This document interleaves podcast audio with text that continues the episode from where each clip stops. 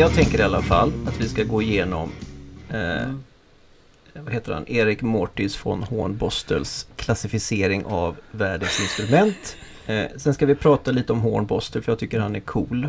Ja, Ja, V- vad var det nu? men bara det att heta Hornbostel, det jag tycker...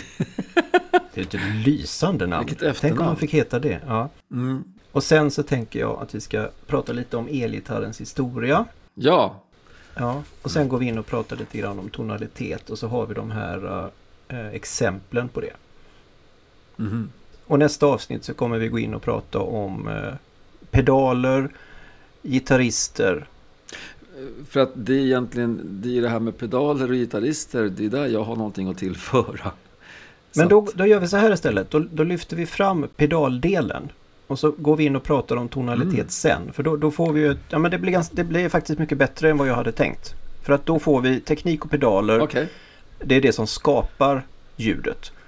Och sen så går vi in och pratar lite om Ja. själva ljudet. Är det bra? Mm.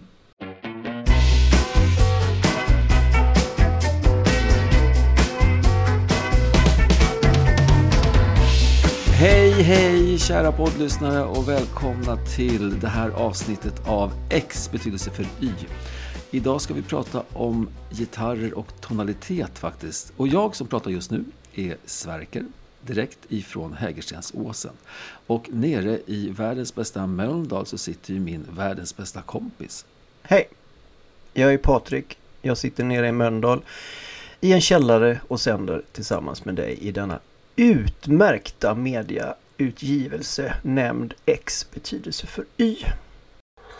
Mm. Det är jättebra podd faktiskt att sitta och, och, och äta mat. Det är Ja, du har rätt. Det var jättedumt. Jag vet inte vad jag tänkte på. Men det är nog så för att jag känner mig så bekväm och naturlig i det här sammanhanget. Så att jag glömmer bort att jag möjligen är någon form av inspelad live-miljö. Det finns andra som tar det här Hej Ragnar! Mm. Vad är det för te? Det är, jag tror att det är Earl Grey. Klassiker. Ja, vi köper te av en leverantör som har ett namn som gör att jag tänker på Ture Sventon. Okej. För att jag tror att det finns en man i Ture Sventon-universat som heter Omar. Kan det stämma? Herr Omar han bugade sig djupt och stängde fönstret efter honom. Mm, Han borde ja, heta det i gör alla fall. Ja, och, och det känns som att Ja, den igen. mannen som står och packar te, han borde heta Omar. För märket på teet är sånt. Nu kommer jag inte ihåg vilket det är. Men han men har väl en sån här, en sån här klassisk fes. Feshatt. Ja, Precis, ja det har han. Det har han.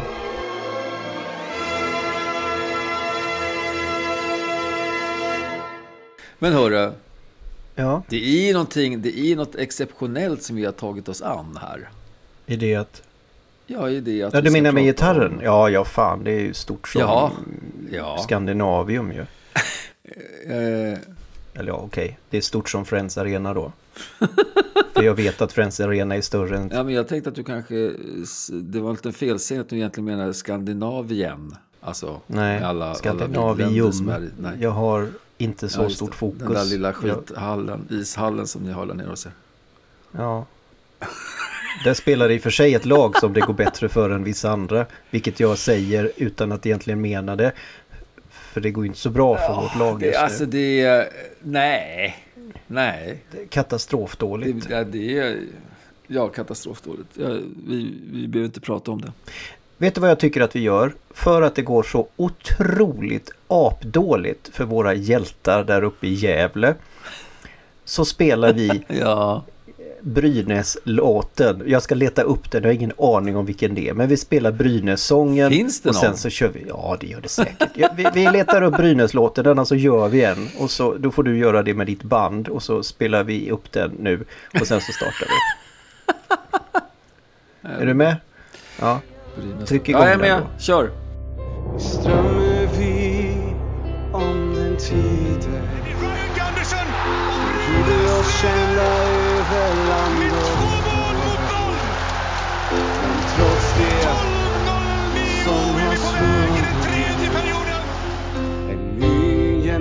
Passion generation föds igen Gavlerinken är nu historia. Men Brynäsandan lever kvar ändå. Varje dag blir vi bara större.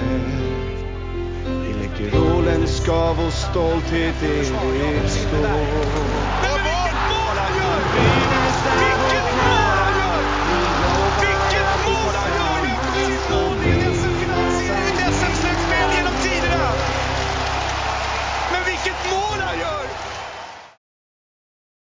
Åh, vad jag har längtat. Ja. Det har varit ap länge sedan vi körde debutalbumets betydelse för Aida. Alltså det är enormt länge sedan. Jo, men vi har ju haft, vi har bokat in oss, tror jag, fyra gånger att göra det här eh, avsnittet. Och vi vill ju göra det här när vi liksom eh, är fort, På till det. en början kan, ja, Mm. kan koppla upp oss. Och även att det ska kännas som att, nej men det här, nu är det kul. Och idag Ja. så är det svinkul, för nu är vi här. Ja, idag är det svinkul. här. Mm. Mm. Eh, Det är det det här är ett avsnitt som vår vän Anders tyckte att vi skulle köra när vi drog eh, lappar ur våra respektive två kuvert eh, strax efter jul Mm. var det väl va? Anders, Mm. Ja, förra gången du var här Anders, eh, nu ska vi, eh, nu ska vi eh, gå på våran sån här slumpgenerator igen. Och då tänker jag, då kan väl du dra. Ha, har du, är du eh, redo Anders? Ja, jag är redo att... Eh, Ja. jag har mitt kuvert här och jag Ja. blandar runt i det. Nu kommer inte nästa avsnitt men näst, nästa avsnitt näst, nästa avsnitt att heta Gitarrens. betydelse för oj, det här blir spännande. Tonalitet.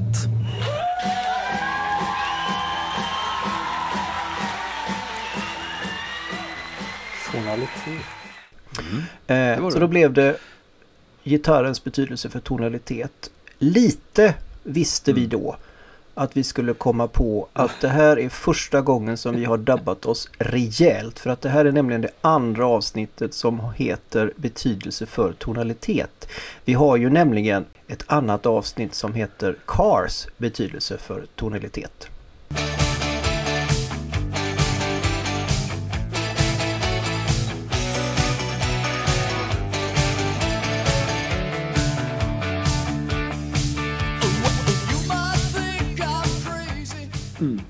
Men det var länge sedan, det är tre år sedan. Det var väl typ vårt eh, tredje avsnitt som vi gjorde tror jag. Ja, jag skulle tro det. Så att eh, på något vis så har den, har den lilla lappen tonalitet eh, hittat tillbaka till det eh, ämneskuvertet eh, som vi har. Det är lite olyckligt men ja, nu sitter vi här.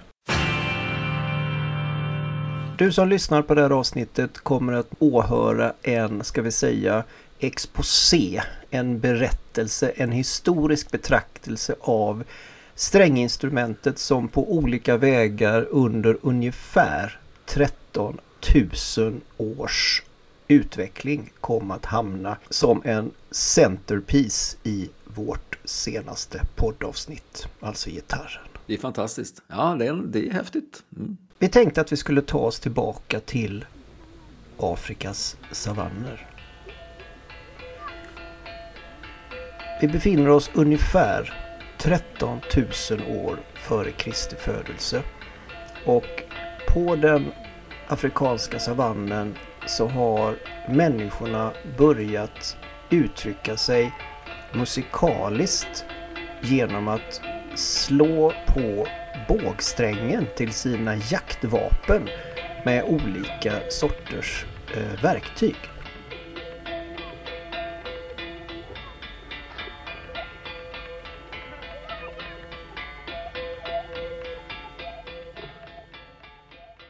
Just det här är ju inte inspelat för 13 000 år sedan för då fanns det ju inga elektriska grejer som kunde spela in ljud. Utan det här är inspelat från Botswana 1972 men man tror att det här är ganska ungefär autentiskt så som det lät på den tiden. Men visst är det ett häftigt suggestivt ljud? Jätteballt. Och jag tycker det är så jävla coolt att de kan få så mycket ljud i en typ bågsträng. Men de får ju en sån resonans. Alltså det, Ja. det, det finns en sån kropp i ljudet. Ja. Det är helt Ja. fascinerande. Och sen är det lite häftigt och det kommer vi återkomma till också. Så använder de ju någonting som sedan då efter ett antal tusen år skulle utvecklas till eh, plektrumet. Just det. Vad hände då mellan åren 13 000 före Kristus och nu? Ja, det hände ganska mycket. Vi ska inte dra allt det. Eh, vi kan bara konstatera att vi, vi struntar i lutan, vi struntar i harpan, vi struntar i alla de andra stränginstrumenten och hoppar direkt in på själva gitarren. Men innan vi gör det så ska vi bara gå igenom var gitarren befinner sig i Hornbostel Sax instrumentklassificering. Och det där var, då måste vi bara säga, det var två efternamn. Ja, det var två efternamn. Det var inte någon som hette Hornbachel Sax eh, för och efternamn. Nej, Det var två nej. personer. De är inte gifta. Det är Erik Mortis von Hornbostel. Jo, det är visst Erik Moritz von Hornbostel. Och sen är det Kurt Sax. Ja. Eh, dess, dessa herrar gjorde då, ska vi kalla, en musikalisk Linné. De satte sig ner en dag när de hade tråkigt någonstans i början av förra seklet och sa Du, Erik, ja, Kurt, kan vi inte klassificera alla instrument i hela världen? Jag, jag inbillar mig att det var Erik som sa det för han har det roligaste efternamnet. Och då sa Kurt, är du helt dum i huvudet? Och så övertalade Erik förmodligen Kurt och så sa Kurt, okej vi kör. Och den här klassificeringen då, eh, den publicerades 1914 och den består av i princip fem stycken delar. Idiofoner.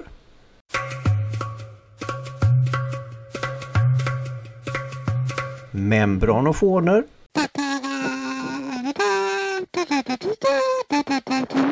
Kordofoner.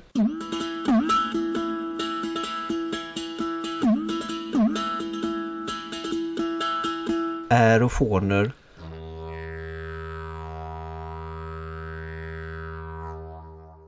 Elektrofoner.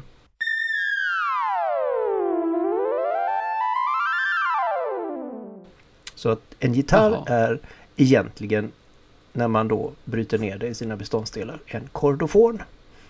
Så om du exempelvis hör Angus Young spela så kan du efter konserten ska du gå in på hans loge och säga Jaså du Angus, du spelar kordofon du? Ja, det är inte så många skivomslag där det har stått liksom kordofon och sen eh, vem som har spelat. På gitarr. kordofon, är- Angus Young, nej det är inte ofta. Ja, ja, precis. Det vore lite roligt om du hade faktiskt hade stått. Ja, ja. Ja, Mick i början av 70-talet till Keith. Keith, kan du spela någonting på kordofonen? Kan, man kan göra mycket sketcher av det.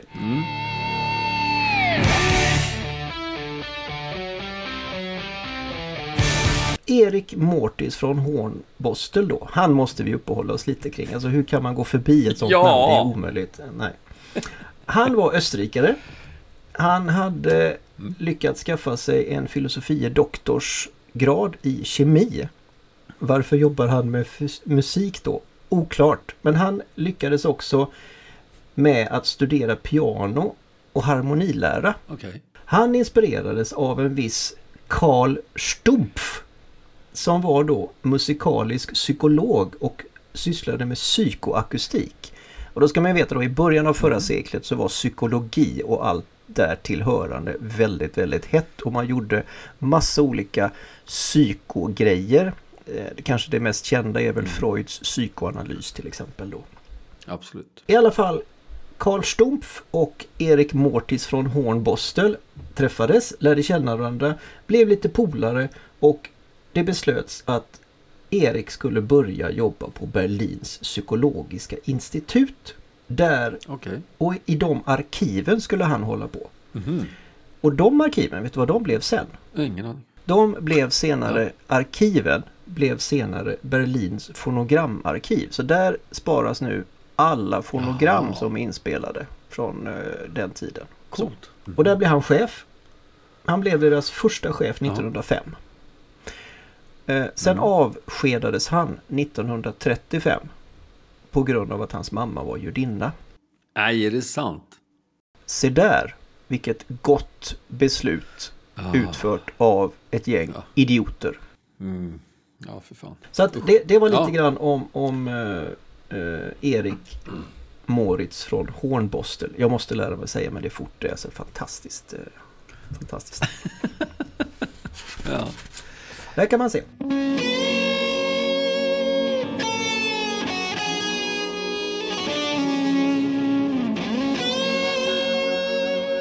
Så det är ju lite grann om hur alla instrumenten då hänger ihop med varandra. Nu ska vi ju ta och släppa det här stora vida helikopterperspektivet och kanske glida ner i eh, nörddiket.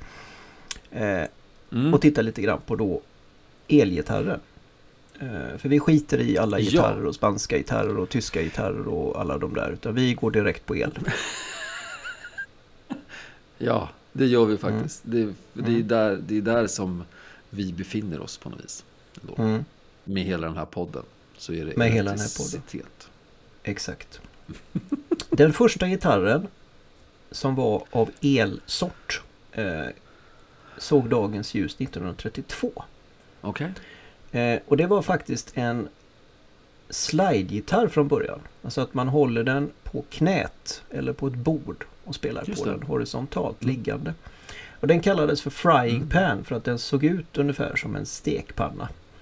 Eh, och den lät... Det är häftigt. Ja, det är häftigt. Ja. Och den lät ungefär så här.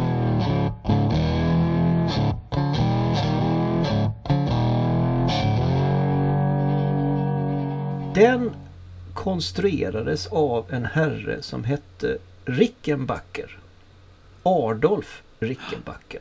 Han jobbade på någonting som vid den tiden hette National Guitar Corporation. Mhm. Och där lyckades han då göra en elektrisk gitarr, alltså frying pan. Mm. Och sen då så tog företaget Ro Pat In. Man döpte sig till Ro Pat In för att man tog bokstäver från Electro Patent Mhm. Instrument Company. Det konstigaste samman, alltså ihopvävningen av bokstäver från eh, ord, tycker jag. Ja, det, Ja. jag håller Ja, med ja. dig. Och det, det som Rickenbacker faktiskt gjorde som var det riktigt, riktigt stora här det var att han kom faktiskt på den elektromagnetiska pickuppen. Alltså det som Jaha. den delen av gitarren som fångar upp ljudet från strängarna och överför den in i en förstärkare. Just det. Mm. Coolt. Eh, vilken liten, eh, vilken smart kille måste man säga. Ja, det kan får man säga. Och då, då gjorde de ju den här 31, 32 var det. Och sen då så Mm. bildades företaget Mm. Ropatin. Och 1937 så tog man patent på det här. Alltså typ fem Ja. år efter att det hade börjat att tillverkas första gången. Men då hade det redan en massa börjat göra det. Eh, bland annat företagen Vega, Epiphone och Mhm. Gibson. Och Gibson är ju, blir ju ett stort, stort märke sen. Exakt. Och deras första gitarr då lanserades 1936 och den hette ES 150. Och ES står för Electro Spanish. Alltså man hade en spansk gitarr från Mhm. början, eller en spansk gitarr från början som man då elektrifierade.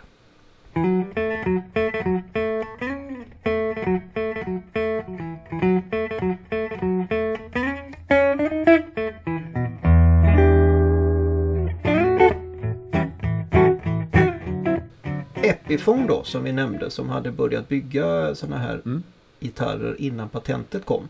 Eh, de gjorde den första solida gitarren. Därför att eh, innan den då så kallade solida gitarren kom, eller plankan, så hade man ju i princip tagit Mm. vanliga akustiska gitarrer och satt elektrofoniska pickuper på dem. Ja, just det. Eh, Just det. till exempel det som vi sa tidigare med Gibson ES Electro Spanish då. Man tog en vanlig spansk Mm. gitarr och så Ja, gjorde man en elektrisk. Men då Yes. tog de faktiskt en, en trästock i princip. Och sen så satte de två ihåliga eh, gitarrsidor på var sida om den.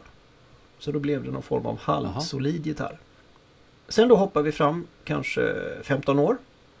Och igen Mm. då Les Paul på Gibson. Eh, tillsammans med en Mm. kille som heter Ted McCarthy byggde den första helt solida gitarren. Men där var de lite osäkra på Jaha. om den skulle sälja. Eh, så de släppte den aldrig. Ja, okej. Eh, vad de då Nej. inte visste. Det var att en annan gitarrtillverkare, Fender, 1948 Aha. Släppte någonting som hette Fender Esquire. Och det är alltså den första fungerande solida gitarren som alltså inte har någon resonanslåda i sig. Och den följs då sen av Fender Broadcaster, Telecaster och 1954 får jag väl säga kommer den kanske mest ikoniska elgitarren, Fender Stratocaster.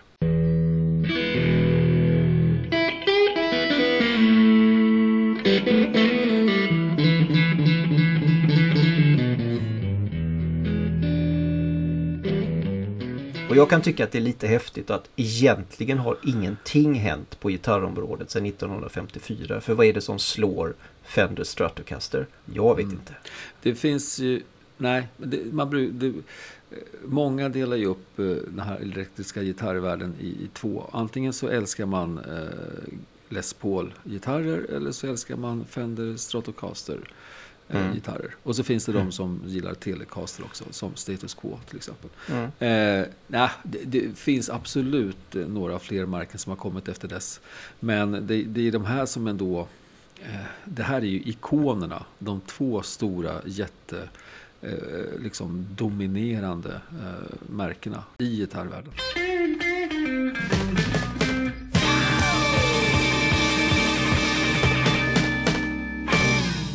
Men det, det är häftigt att sedan i princip 1954-1964 så har gitarren inte utvecklats så mycket. Om man då inte eh, tar med 1987 då Ibanez släppte Gem 77 Steve Way Signature som en tribut till Steve Way då. Eh, faktiskt en av dem som kommer att eh, försöka lura dig i quizet. Är det Steve eller är det Jeff? Som vi kommer att ta i nästa avsnitt. Mm, Jag måste bara säga vilket fantastiskt uttal du har, för jag tror att han heter Steve Vai. Det heter Inte han Way. kanske. Ja, Nej. ja det, det är enkel-V och så. A och Ja, I. säkert. Steve Vai. Ja. Bara så att Ja, de här gitarristerna nu som sitter och lyssnar på oss tycker att, eh, att det blir jätteknepigt om... Men nu har vi båda uttalen så att då borde det ju något av dem vara rätt i alla Ja. fall. Ja. Eh, Den här Ja. podden är ju inte känd för att vara alltigenom faktagranskande. Vi, vi, eh, vi har ju... Jag måste bara få säga, när det gäller gitarr, gitarrer då, så det finns ju en annan Ja. sån här ikonisk eh, gitarrmodell. Eh, verkligen sån här jättehårdrocks eh, liksom gitarr. Och det är ju den här, och det är väl Gibson som gjorde den, Flying V. Alltså den här som är Mm. ett, som ett V. Eh, Ja. Som väldigt många hårdrocksgitarrister eh, har använt sig av. Fa- Fast där, där måste jag säga Sverker, för mig så Mm. är Flying V lite av... Det, det är gitarrernas lakritspuck. jag, jag, jag, jag tycker någonstans inte att glassen har utvecklats speciellt mycket sedan 88. Och lakritspuck är för mig... Ja, fast det är bara, det är bara ett hittepå. Det är en fluga. Det, det kommer inte att flyga, säger jag. Nej, jag hör vad du säger och jag, jag förstår dig precis.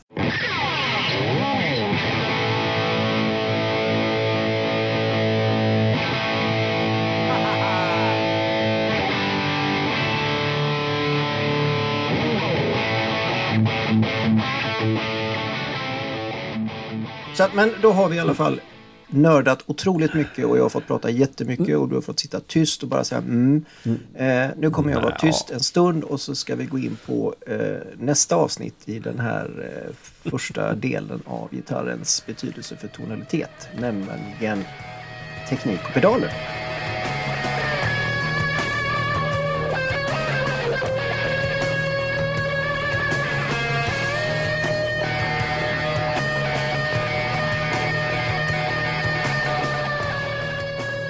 För att eh, det hänger ju väldigt mycket ihop med eh, gitarrljud. Att eh, folk har liksom förvrängt ljudet för att det ska uppnå någon form av effekt.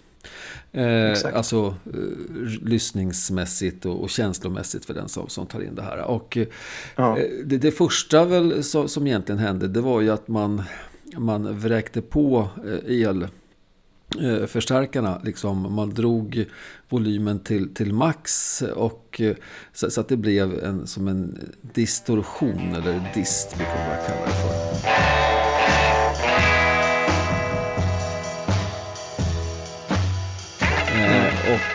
Från det Vi kanske ska säga det, förlåt. Jag, jag, kunde, jag kunde hålla tyst i en minut då när du började prata. Men vi kanske ska säga det att Ja, det är. Ja. gitarren, eller elgitarren är ju ingenting utan sin förstärkare. Nej, Gitarren alstrar ju ljudet men det är ju förstärkaren som förstärker den. Ja. Det, det hörs ju liksom på namnet.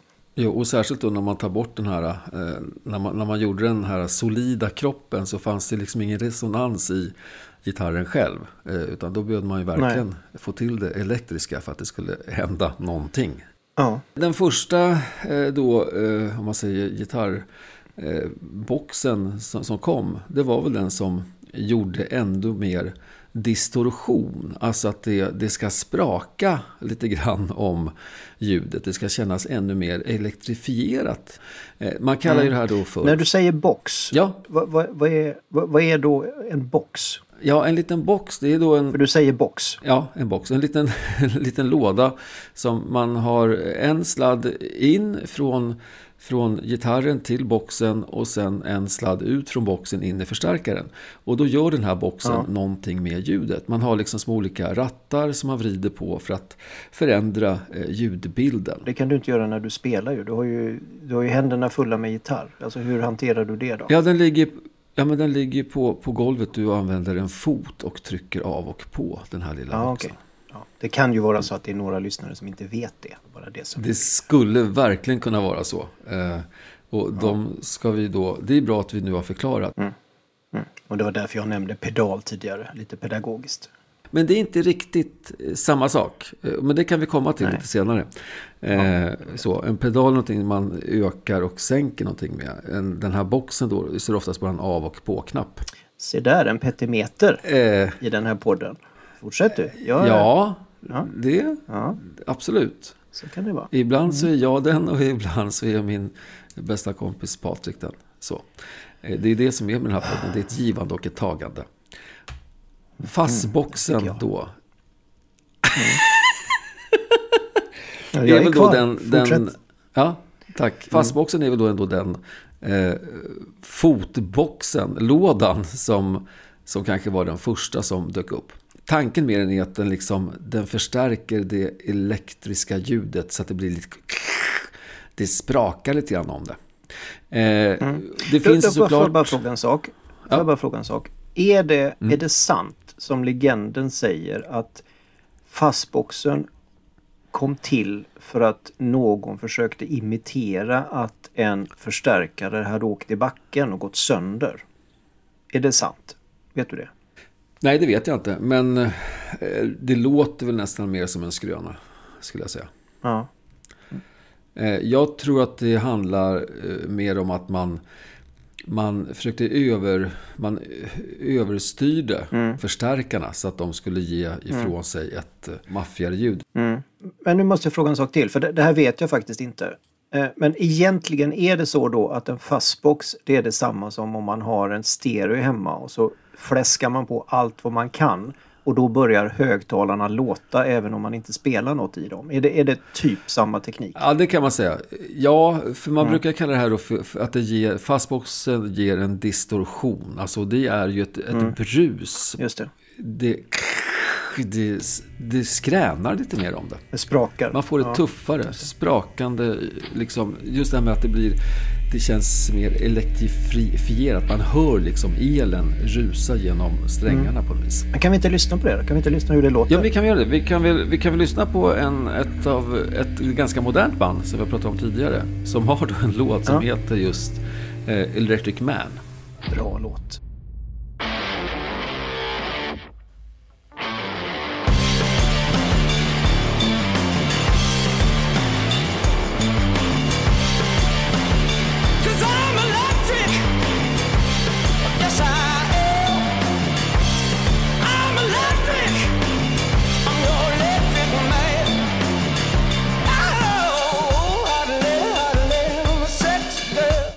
Ja, Rival Sons och eh, Scott Han, den här låten, det är ju snacka om fastbox. Liksom.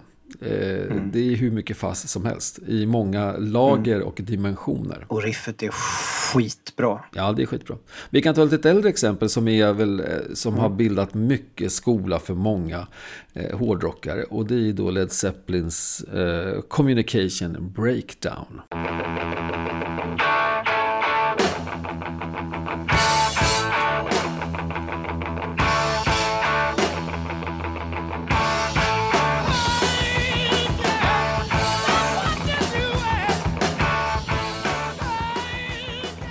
Jag har ju hört en av, eller sett en av de första tv-inspelningarna från när de spelade upp den här låten.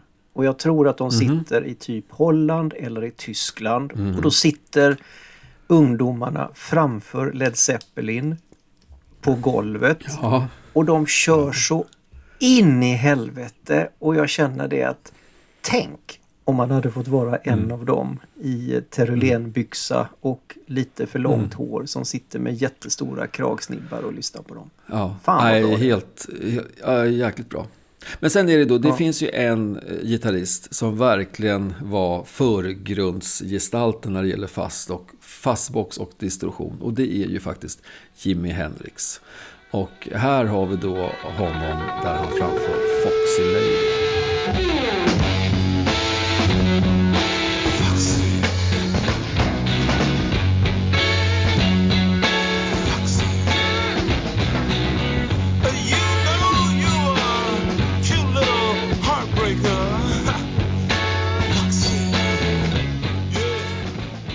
Och det här måste man också säga är ett väldigt starkt signum för eh, dist och fastbox. Eh, och såklart av Mr. Hendrix.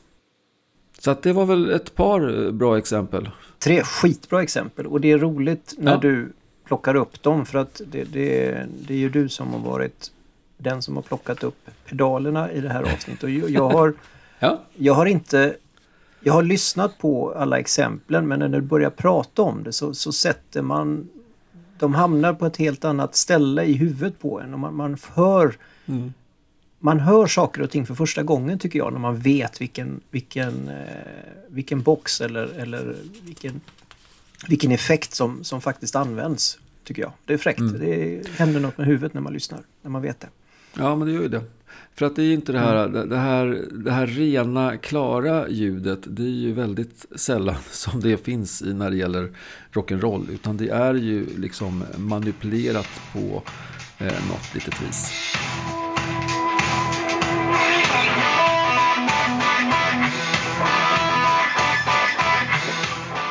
Då kan vi hoppa till en, till en annan som då faktiskt är en, en pedal. Eh, om, du, om det är okej för dig. Det är helt okej för mig. Tack. Eh, Och det är då klassiken, den som då faktiskt heter Wawa-pedal. Och det är då en, en box, fast en som är en pedal. Det är som en gaspedal kan man säga. Där man då ökar och minskar eh, frekvensen av det här wow som händer när du spelar med gitarren.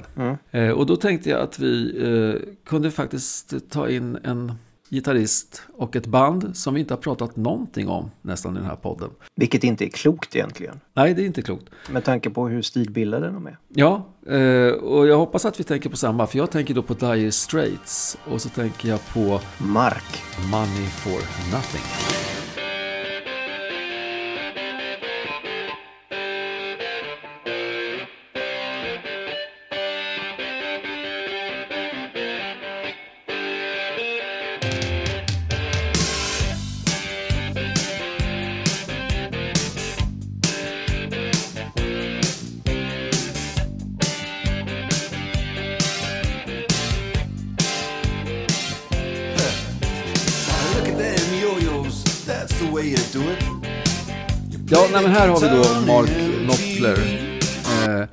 Som är en väldigt stilbildande eh, gitarrist. Och den här låten blev ju ett eh, riktigt signum för eh, MTV när, när det begav sig. Och här har vi då ett typiskt Wawa Sen har vi också här faktiskt, och då är det mer ett, ett solo som har blivit lite stilbildande. Och lite modernare band kanske, i alla fall lite snäppet. Eh, och det är då Guns N' Roses och eh, mästergitarristen Slash i låten, deras kanske största hit, eh, Sweet Child of Mine.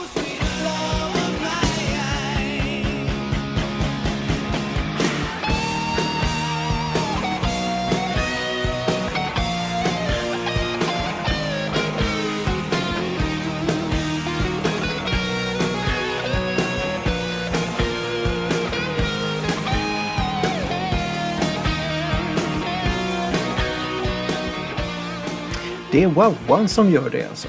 Ja, det är Wawan Ja. som gör det solot. Liksom. Ja, det är lite ballt faktiskt. Att han, att han sätter det med en Wawa. Mm. Men även Led Zeppelin har ju såklart, eller rättare sagt Jimmy Page som är gitarristen som nu alla vet i Led Zeppelin, har ju jobbat med Wawa. Det är inte, det är inte min favoritlåt med, med Led Zeppelin, men den är väldigt bra som exempel för en Wawa-pedal. Och det här är då Whole Lotta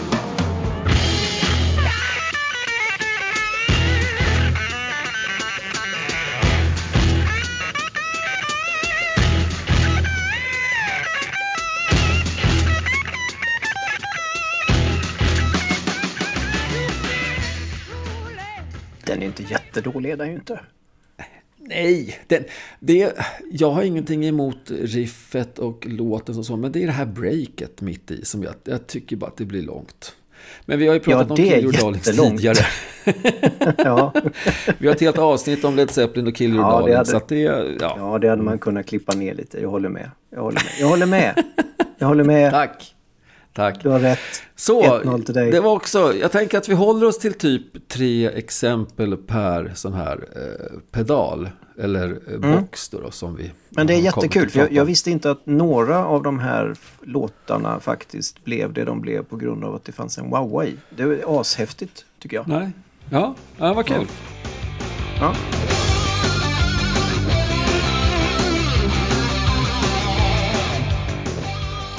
Nu tänkte jag hoppa till någonting annat, eh, en helt annan typ av eh, låda. Eh, och den heter faktiskt till och med låda i namnet, den heter Talkbox.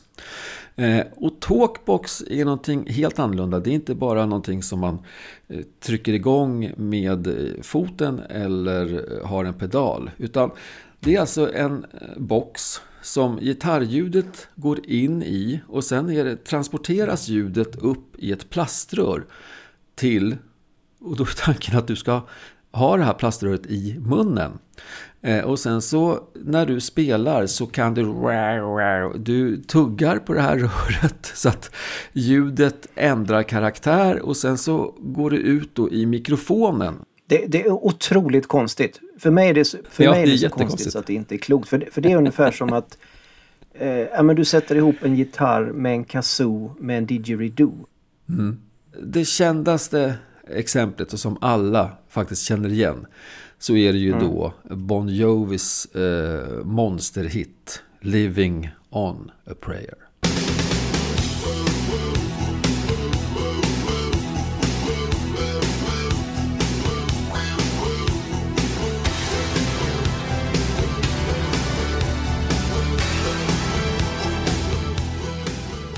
Här då är tåpboxen ypperligt manövrerad av Mr. Richie Sambora som var eh, gitarrist i Bon Jovi under glansdagarna. Eh, så.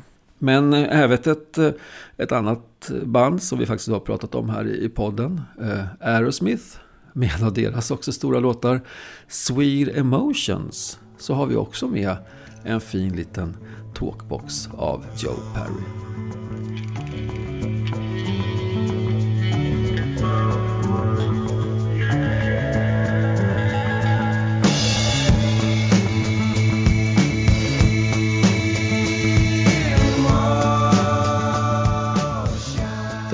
Aldrig tänkt på.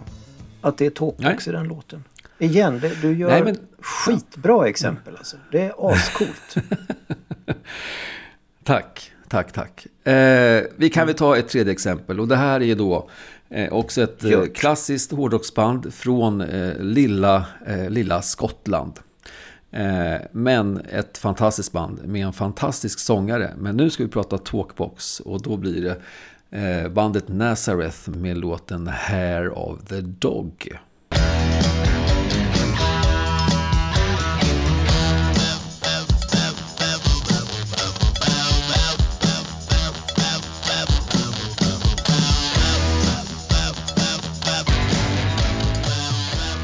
Jag vill höra mer. Hitta på mer. Gör mig mer.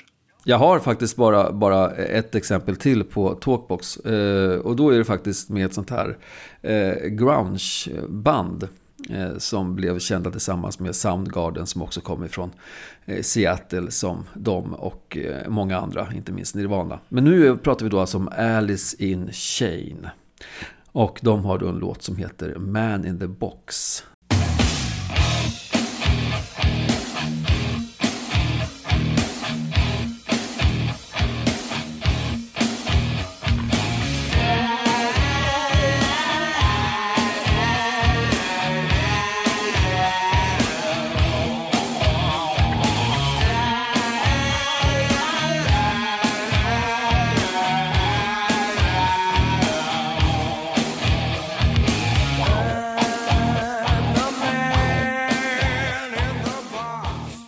Här är jätte, jätteroligt verkar det. Alltså det här är så kul Ja, så det inte är kul. Det, det är, jag är helt begeistrad över att jag aldrig har tänkt på det här. Det, nu är ju inte jag någon elgitarrist även om jag har en men ja, det här är asfräckt. Ja, Finns ja, det men något mer? Nej, men det, Finns det mer eh, Ja. effekt, effekter? Ja, nu ska vi prata om en, en liten effekt. Eller en liten. Det här är en effekt som inte alltid bara används av gitarrister utan används faktiskt ibland av trummisar och man sätter effekten ibland även på, på hela bandet, liksom på hela eh, slutmixen.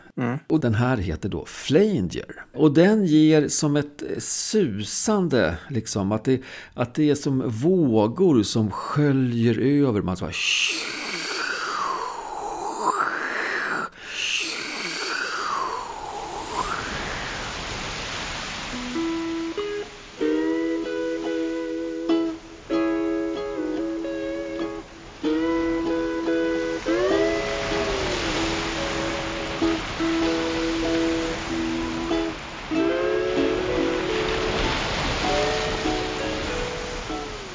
För mig som är trummis då, då så, så är det ju en sån här klassiker med eh, Peter Criss i, i, när han håller på med sitt eh, lilla trumsolo i 100 000 years.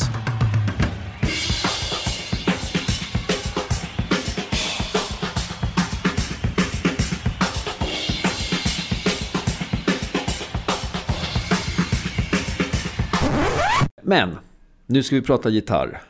Och nu ska vi prata om en trio, en riktig progressiv trio som vi har pratat lite grann om förut. Och det är Rush. Och det här är då låten Spirit of Radio.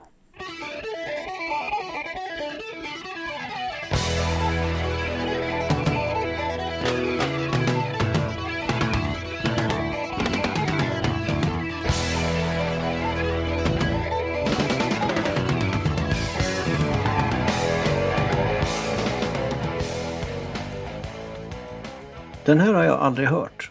Måste jag säga. Den är helt ny för mig. Nej. Eh, nej. Ja. Eh, jävla bra låt. Jag tror att jag lyssnar för lite på Rush. Jag måste börja lyssna in mig på dem lite grann. Tror jag. För det här var också Mm. otroligt bra. Tack. Ja, den här låten ligger faktiskt på samma platta som Tom Sawyer som väl får betraktas som deras största från plattan Moving Pictures. Nu måste jag fråga en sak. Ja, gör det. Eh, använder Queen Flanger i intro till Bohemian Rhapsody? Is this the real life? Skulle du säga. Is this just fantasy? Caught in. Oj! Eh, det är så himla kul att du nämner just Queen, för det var mitt nästa exempel. Men inte just Bohemian Rhapsody. Det är inte alls omöjligt att de gör det. Men den låten som jag har tagit som exempel, det är den här.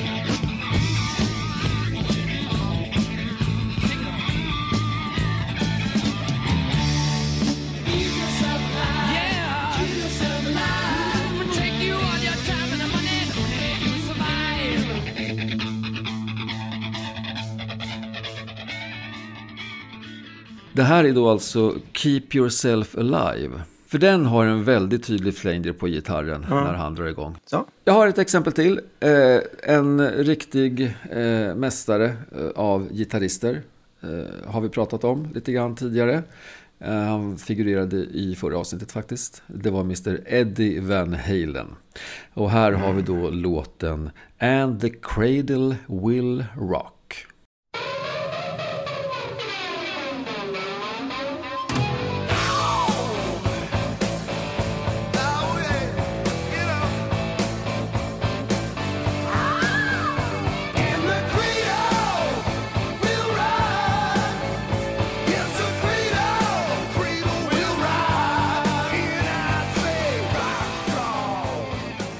Alltså Eddie, han har ju, han har ju traskat sig igenom alla typer av effekter som finns såklart. eh, Och gjort det med den äran. Och här har vi då eh, Flanger som, som bra exempel eh, på det. Så, så att det, är- det är Flanger. Eh, Som används, jag tycker så här, den ska ju användas, användas väldigt spartanskt. För den, risken är att den tar över för mycket och så blir, det liksom, så blir det träligt. Men om man använder den på ett raffinerat och eh, snyggt sätt, då blir det också väldigt, väldigt effektfullt och väldigt, väldigt bra. Det var väldigt bra exempel. Tack. Tack. Nu var jag egentligen klar med, med boxar och sådär. Jag har däremot en annan liten, liten sak som, som är, som är eh, ett, en, ett, för att få ett speciellt ljud ifrån en gitarr. Så finns det också någonting som kallas för slide. Just det. Det är när man sätter på ett, eh, ett rör på fingret så att man inte liksom trycker ner strängarna med fingrarna utan att man drar det här med det här röret. En del eh, tar en, en flaska eh, och andra har då det här slide-röret. Och Det finns ju hur många exempel som helst på det. Det här är ju väldigt använt inom inte minst bluesen. Eh, Så många slide-gitarrister. Och som du sa, den första liksom elgitarren egentligen var ju på en sån här, som ett, en, en liggande gitarr. Och det är ju, det finns ju det som kallas för steel guitar. Precis. Då spelar man ju väldigt mycket med slidar Ja. bara. Det är ju ett av eh, de klassiska instrumenten i West Country and Western musik. Ja, verkligen. Men här kan vi ta en sån här riktig eh, dänga som inte minst sjungs på fotbollsarenor runt om i världen. Och det är då White Stripes, Seven Nation Army.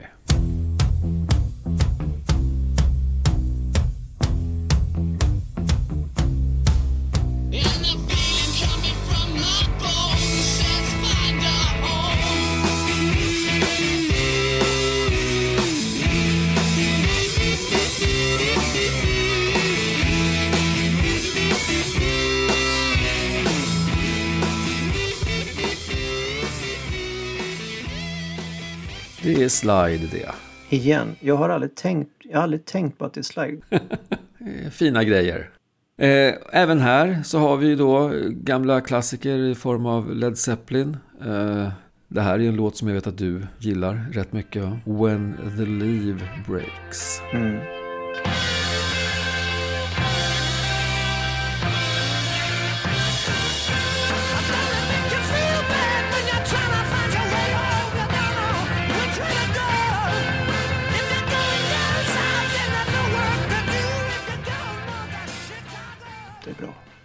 Det är jätte, jättebra. Slide.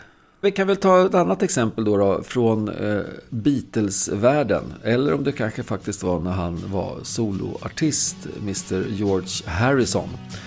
Eh, som gjorde en låt som heter My Sweet Lord.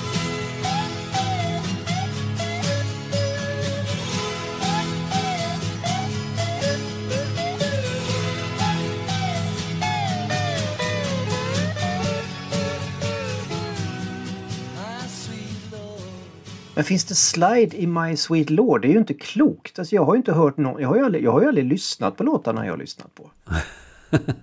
Det roliga med slide är ju det att det, det låter ju som att, den, som att tonerna liksom bara flyter i varandra. Det är ju det som är, är med slide. Att det, det finns ju inte det här liksom distinkta mellan, mellan tonerna när man, som när man trycker ner fingrarna. Utan liksom, det är bara... Det som är med slide, när man spelar med slide och ska, kunna spela över flera strängar, då stämmer man ju ofta om gitarren. Eh, Så att man får en, en, en så att det, du kan funka att du kan spela ett ackord bara genom att li- liksom lägga med, med sliden över alla strängar. Ett ackord så har du ju en fingersättning att de är på olika band. Och just den biten kommer vi inte kliva in på så mycket mer än kanske så här i det här eh, gitarrens betydelse för tonalitet. Nej. Det kanske är, folk kan tycka är tradigt, men så är det. Vi måste ju begränsa oss med någonting också. Ibland. Jag menar det.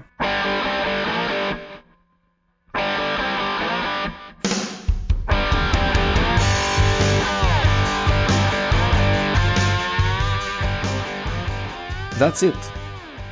Med mig och små boxar, pedaler och slidar. Oerhört häftig genomgång. Tack min kära vän för att du öppnar mina öron. Eh, Jag kommer aldrig att kunna vad lyssna på musik på samma sätt som nu. För nu kommer jag börja fundera på var de här jävla effekterna kommer in någonstans. Vad kul. Du, Ja. med, med alla de här Mm. ekon och delayer och annat som vi har haft. Jag vet inte om jag orkar gå igenom själva det som är en av delarna i det här, alltså själva tonalitet. Och sen har vi ju också våra favoritgitarrister som vi ska ta. Ska, ska vi göra ett avsnitt till eller? Ah, jag tror vi måste göra ett avsnitt till. För det var någon som har, det är någon som har rykt, det, något litet rykte som säger att det ska finnas en liten quiz med i det här också. Det blir man ju så orolig för. Så att jag tror som så att eh, det här är nog ganska lagom för våra högt älskade poddlyssnare att ta till sig i det här första avsnittet av gitarrens betydelse för tonalitet. Och så får vi faktiskt eh, träffas en gång till och fortsätta. Mm. Förhoppningsvis då med god uppkoppling. Med, ja, verkligen. Och så att vi kanske till och med kan se varandra. För nu har vi bara fått lyssna på varandra, vilket i och för sig är trevligt. Men vi, jag tycker vi säger så Patrik, det här var ju en, en, en härlig eh, kväll också. Nu ska jag gå upp på vinden och plocka ner min eh, Les Paul-kopia och se om jag kan få igång den. Ja, så kolla om du kan hitta en liten slide också så kan du träna dig på, på sådana små saker. Ja. Ja, jag kan vara sådär lite rock'n'rollig och ta en ölflaska. Du, tack för nu. Eh, tack själv. Vi hörs. Hej. Tja.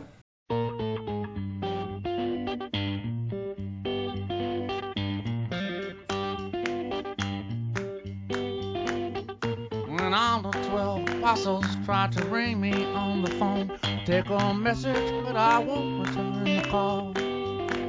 For I have no eyes to see him, and I thought I lost my way, and I know I lost the keys to the door.